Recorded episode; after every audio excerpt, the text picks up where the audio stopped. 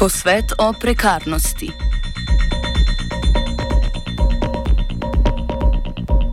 Zaradi nedavnih inšpekcijskih akcij v novinarskih hišah, kjer so ugotavljali nezakonitost prekarnih pogojev dela, je Združena levica sklicala posvet.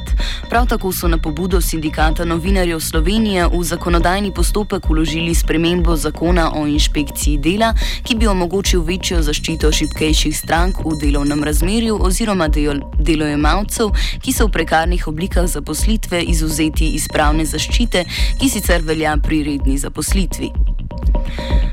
Kot je bilo širše izpostavljeno ob inšpekcijskih nadzorih, je prekarnost še posebej razširjena pri tistih, ki o prekarnosti poročajo, pri novinarjih. Kot je razložil prvi sogovornik na posvetu, Istok Jurančič iz Sindikata novinarjev Slovenije, je bilo v prekariziranih oblikah dela po uradnih podatkih konec lanskega leta zaposlenih, samo zaposlenih 32 odstotkov novinarjev. Same potrebe po novinarskem delu po letu 2008 sicer niso padle, struktura zaposlovanja pa se je spremenila. Oblika redne zaposlitve je upadla za 16 odstotkov, medtem ko so se samo zaposlitve povečane, povečale za 64, oziroma, ja, 64 odstotkov. To je ustvarilo pogoje, na katere je naletela inšpekcija, ob tem pa neučinkovito reagirala. Isto Kjurančič. Mi smo te postopke njihove spremljali, ne smo dve, v bistvu sta bile že tekom postopkov, so bile nekatere nepravilnosti ki so izpostavljene, eh, izpostavljene delavce, se pravi, izpostavljene so jih neposredno šikanirano ali pa diskriminacija ali pa odpovedi pogodbine ali pa odpovedi sodelovanja in temu eh, pretirano. To je bilo, to je bila ena od velikih napak teh, teh inšpekcijskih postopkov. Tiste dve ključne so pogledali inšpektori in tudi niso izkoristili vseh možnosti. Ne? Niso napotili, uh, bistveno to, da niso napotili, to bila ena napotil delavca na sodno varstvo, kar bi morali narediti v nekem 17. členu tega zakona in v inšpekcijskem nadzoru delali. Druga napaka je bila to, da niso bili pripravljeni na tudi posredovati ne, med delodajalcem pa delavcem, kar imajo tudi možnost, da lahko posredujejo, sami niso tega posredovanja niti predlagali. Odprave ugotovljenih nepravilnosti sicer še niso imele epiloga, situacije pa se pri različnih medijskih hišah različno odvijajo. Rezultat je pač tak, da, da smo zdaj eh, samo zaposlenci talci te zakonske prepovedi, prepovedi dela ali pa, ali pa zaposlitev. Medtem, ko se v medijskih hišah na to akcijo različno odzivajo. Zdaj bom počasi zaključil. In sicer nekje so, uh, so to uh, demonstracijo inšpektorjev vzeli precej resno in so uh, tudi začeli zaposlovati, to je recimo Protus, pa Planet TV. Zdaj delo je v kršitvi še vedno, ne? oni so bili pravzaprav primeri, kjer so dobili prepove dela ali pa zaposlitev, da jih morajo zaposliti 49 novinarjev v novinarjah.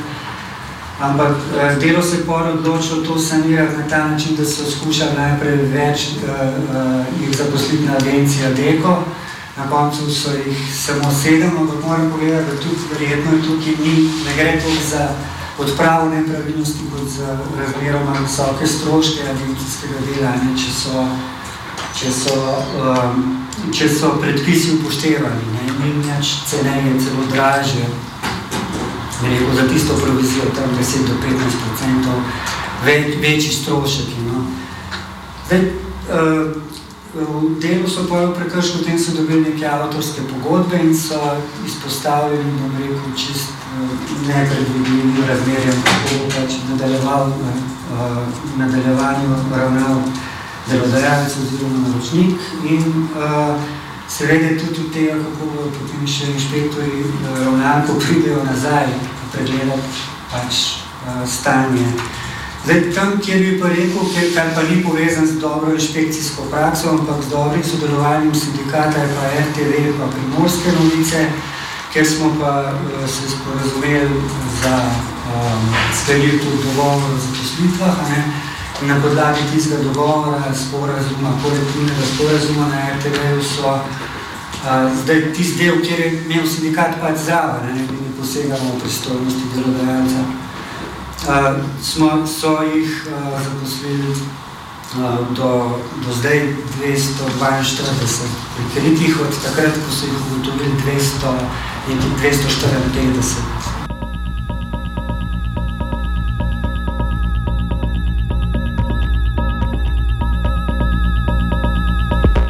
Problem inšpekcijskih nadzorov je predvsem neupoštevanje smotra zaščite šipkejške, šipkejšega deležnika v delovnem razmerju, kar je vodilo tudi v primere ustvarjanja še bolj negotovega položaja prekarcev. To pojasni naslednja sogovornica na posvetu in novinarka časnika Dnevnik Kristina Božič. Dejansko danes recimo so kolegi v drugih medijskih hišah ker so bile izdane odločbe strani inšpektorata in še vedno ne vejo, ali so tudi oni na seznamu teh, ki jim je bila izročena, oziroma za katere je bila izročena prepoved dela. Um, to v bistvu, da se delavce, ki so že zdaj ne, v prekarnih, torej nekako negotovih oblikah dela, postavijo še bolj negotov položaj, samo zaradi inšpekcijskega nadzora, in na nek način tako samo skregano samo sabo. No. Fragmentiranje pogajanj z delavci je v interesu delodajalcev, v to smer pa se spreminja tudi zakonodaja. Še posebej so tudi zakonsko neenako obravnavani tuji delavci. Situacija se spreminja, tudi če se ne zdi um, v smeri, ki grejo stran od dodatne zaščite delavcev. Uh, v teku v bistvu nekako ne branje zakonodaje, pač proučevanje tega področja. Je, v bistvu, mislim, tako smo prišli tudi do zakona o zaposlovanju, samo zaposlovanju in delu tujcev v Sloveniji. Ta je bil sprejet junija lansko leto in dejansko pač postavlja tujce v diskriminiran položaj. Um, skratka, njihov položaj je izuzet tako iz zakona o delovnih razmerjih, kot o zakonu o prepovedovanju dela in zaposlovanja na črno, in so dejansko kaznovani v primerih, ko se znajdejo v delovnem razmerju, ki je prikrito, oziroma ki, da so zaposleni na črno. Um, tako da, ne, glede na izkušnje tudi v Sloveniji, da je obravnavanje, oziroma da to, kako se dela z tujimi delavci v Sloveniji, nekako obet prihodnosti tudi za vse ostale delavce. Um, mislim, da je nujno se zavedati, da v bistvu, če se ne bo nekako poseglo v to, oziroma rekli, da je nujno se spomniti, da zakon o delovnih razmerih je tam zato, da zaščiti šipkejšo stranko, da zaščiti delavca in da to mora početi tudi organi nadzora, da bodo stvari pač zelo hitro šle v nasprotno smer um, in nastavki za to tudi mislim, da so že znotraj sistema. Prekarizacija je bolj kot izjema dan danes pravilo, kot je nedavno pokazal primer tujih delavcev v podjetju Marov Trade, Goran Lukič iz svetovalnice za migrante.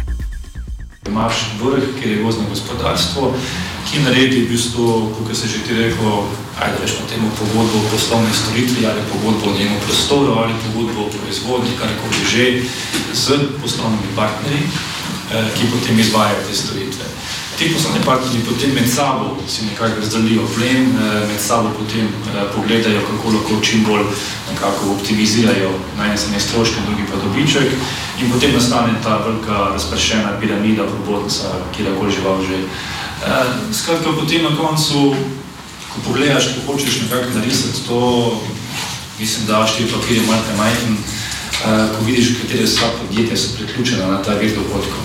Ampak eh, na vrhu je pa ravno to, da v bistvu glavni eh, vrh te piramide se skuša, oziroma vse, koliko vidim, torej bolj kako uspešno izogiba svoje odgovornosti, eh, to sami recimo plačitev, jatov in tako naprej, s tem reči, imam s njimi samo poslovno sodelovanje, torej z vsemi temi podizvajalci imamo samo poslovno sodelovanje.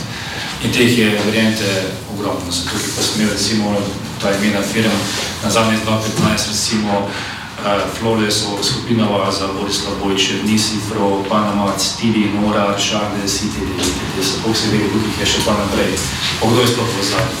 Ampak poanta je ravno ta, da uh, nekako so ugotovili vsi ti delodajalci, da je za njih boljše, da se sploh ne registrirajo kot agencije, ampak da pač gredo svojo pot, da so pač poslovni subjekti, ki delujejo na trgu kot ponudniki storitev eh, za tiste, ki pač rabijo ravno to storitev. Iz tega trenda prav tako niso izuzete službe javnega sektorja in javne agencije. To je stvar, v bistvu, ki se širi, e, zato tukaj to opozarjam. To ni zdaj samo Marov trend, ni samo gozdno gospodarstvo. Zdaj imamo eh, v bistvu skoraj bi rekel, v tem trenutku največji problem, s katerim se ukvarjamo na svetovalnice za migrante, je en čistilni servis, ki v bistvu zagotavlja storitve čistilne eh, tudi različnim službam javnega sektorja, javnim agencijam, ponekod tudi inšpektoratu za delo. Kot primerno rešitev sogovorec navede verižno odgovornost, kot jo poznajo v Nemčiji. Ker te v Nemčiji, če pač ti pri določenem izvajalcu ne dobiš plače, velja ta odgovornost za poplačilo terjate po celi verigi.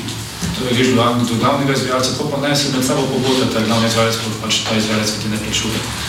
Uh, v Sloveniji pač tega ni, oziroma je nekako zelo sramežljivo v zakonu o napotenih, oziroma napotitvi delavcev na delo, uh, zelo tako malo napisano kot subsidijarno, ampak mislim, da bi veljalo slediti tudi zgledu tujine in navesti pač polno solidarno in bližno odgovornost po vseh teh verigah. Potem bi tudi gozdno gospodarstvo postalo zelo zelo premislilo, koga najet, na kakšen način najet, ki bi v bistvu imelo zraven tudi so težo odgovornosti za kakršne koli kršitve na tem področju. Zdaj, zdaj pa je tako, da reče gozdno gospodarstvo, mi z njimi pač ne imamo nič, imamo z njimi poslovne odnose, Torej, za nas ne velja subsidijarna odgovornost, kot velja za agencije. Ker to ne samo niso agencije, na drugi strani pa mi smo eh, naročniki teh storitev. Predlagani zakon bi skušal omenjene zagate prisotne v novinarstvu kot širše učinkoviteje odpravljati. Točno so, eh, kakšne točno so njegove določitve, za konec pojasni Marko Kržan iz Združene levice zakon, ki ga mi predlagamo, zdaj je zakonodajno postopku in smo že predlagali neko amandmiranje, da bi se izognili določenim očitkom velikih posegov v pristojnosti delovnih sodišč ali pa v pogodbe na tako imenovano svobodo, predvideva tako, zelo preprosto. Če naleti delovni inšpektor pač na prekar, prekarnega samozaposlenega, torej na fiktivno samozaposleno osebo, opozori delodajalca, da je kršitev mogoče odpraviti samo na en način. Tako da bo izročil pogodbo o zaposlitvi v treh dneh, tako da je prijal pravočasno v socialno zavarovanje, seveda s tistim dnem, ko se je začelo to sodelovanje, in da mu za nazaj poravna ponovati to razlika v, v plačah in prispevkih, ki niso priplačeni. To je, če je pač navidezno samo zaposlitev. Če pa je agencijski delavec, ki ga najame dodajalec od agencije, ki nima dovoljenja za upravljanje te dejavnosti, nima ga pa ponovati zato, ker noče imeti recimo bančne garancije in drugih pač stvari, ki nekaj stane. Potem pa predlagamo, da mora delodajalec ponuditi sklenitev pogodbe o zaposlitvi v teh rokov tri dni, kar pomeni, da bo lahko delavec pač izbiral, ali bo ostal pri tisti svoje agenciji, ali pa bo vse prezaposlil pri delodajalcu, seveda pri čemer je pa jasno treba naložiti delodajalcu, da seveda mu ponudi najmanj take pogoje, kot jih ponudi svojim delavcem, oziroma najmanj take pogoje, kot pa pri agenciji. To je pomembno predvsem zato, ker ljudje so danes na agencijah zaposleni za nedoločen čas, Vsaka napotitev je pa seveda za določen čas, pa v tem, če bi šlo po logiki, bi seveda delodajalec samo ponudil za določen čas zaposlitev, ne, in seveda marsim, ko se tem ne bi potem take zaposlitve sprejel, ker bi izgubil zaposlitev za nedoločen čas, zato tudi to predpisujemo.